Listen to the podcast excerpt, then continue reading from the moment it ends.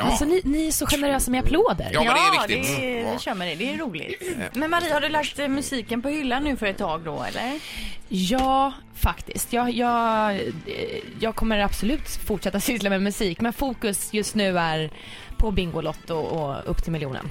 Just det. Och berätta lite om Upp till mil- miljonen också då. Ja, det börjar ju sändas nu på söndag, så det kommer ju gå timmen innan Bingolotto i TV4 mellan 6 och 7. Eh, och där är det två stycken som tävlar tillsammans och de har chansen att vinna en miljon kronor. Men eh, de kan också gå därifrån med 100 spänn. Ja, Ja. och det är ju bra det Och det är med. frågesport, ett frågesportsprogram. Ja. Och Så det, kunskap och tur. det, det har med Bingolotto också att göra på något sätt, eller? Det har det, absolut. Så det heter ju Bingolottos upp till miljonen och det kommer vara ehm, ni kommer märka att eh, tittar ni på, på söndag så finns det en del som kommer vara direkt härifrån Bingolotto-studion också i programmet. Okej. Ja. Ja. just det. Ja.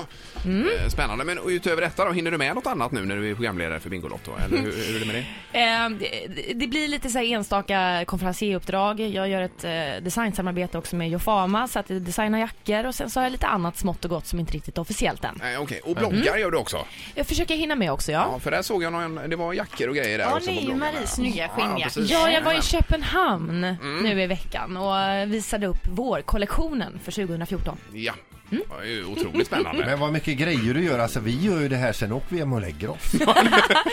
Ja, du. Eh, you only live once. just det. Ja, ja, då är det- YOLO, det som gäller att- ungdomarna säger. Ja. YOLO. Ja, det är mycket förkortningar man ska hänga med Ja, i. bara ösa på. Men hur, eh, hur mycket är du i Göteborg nu under hösten? Hur många dagar behöver du vara här för att göra Bingolotto? Nu har jag varit här eh, väldigt, väldigt mycket, men när jag kommer komma in i alla rutiner och sådär så kanske det blir tre, fyra dagar i veckan. Mm. Men har du sett någonting annat än Gamlestan?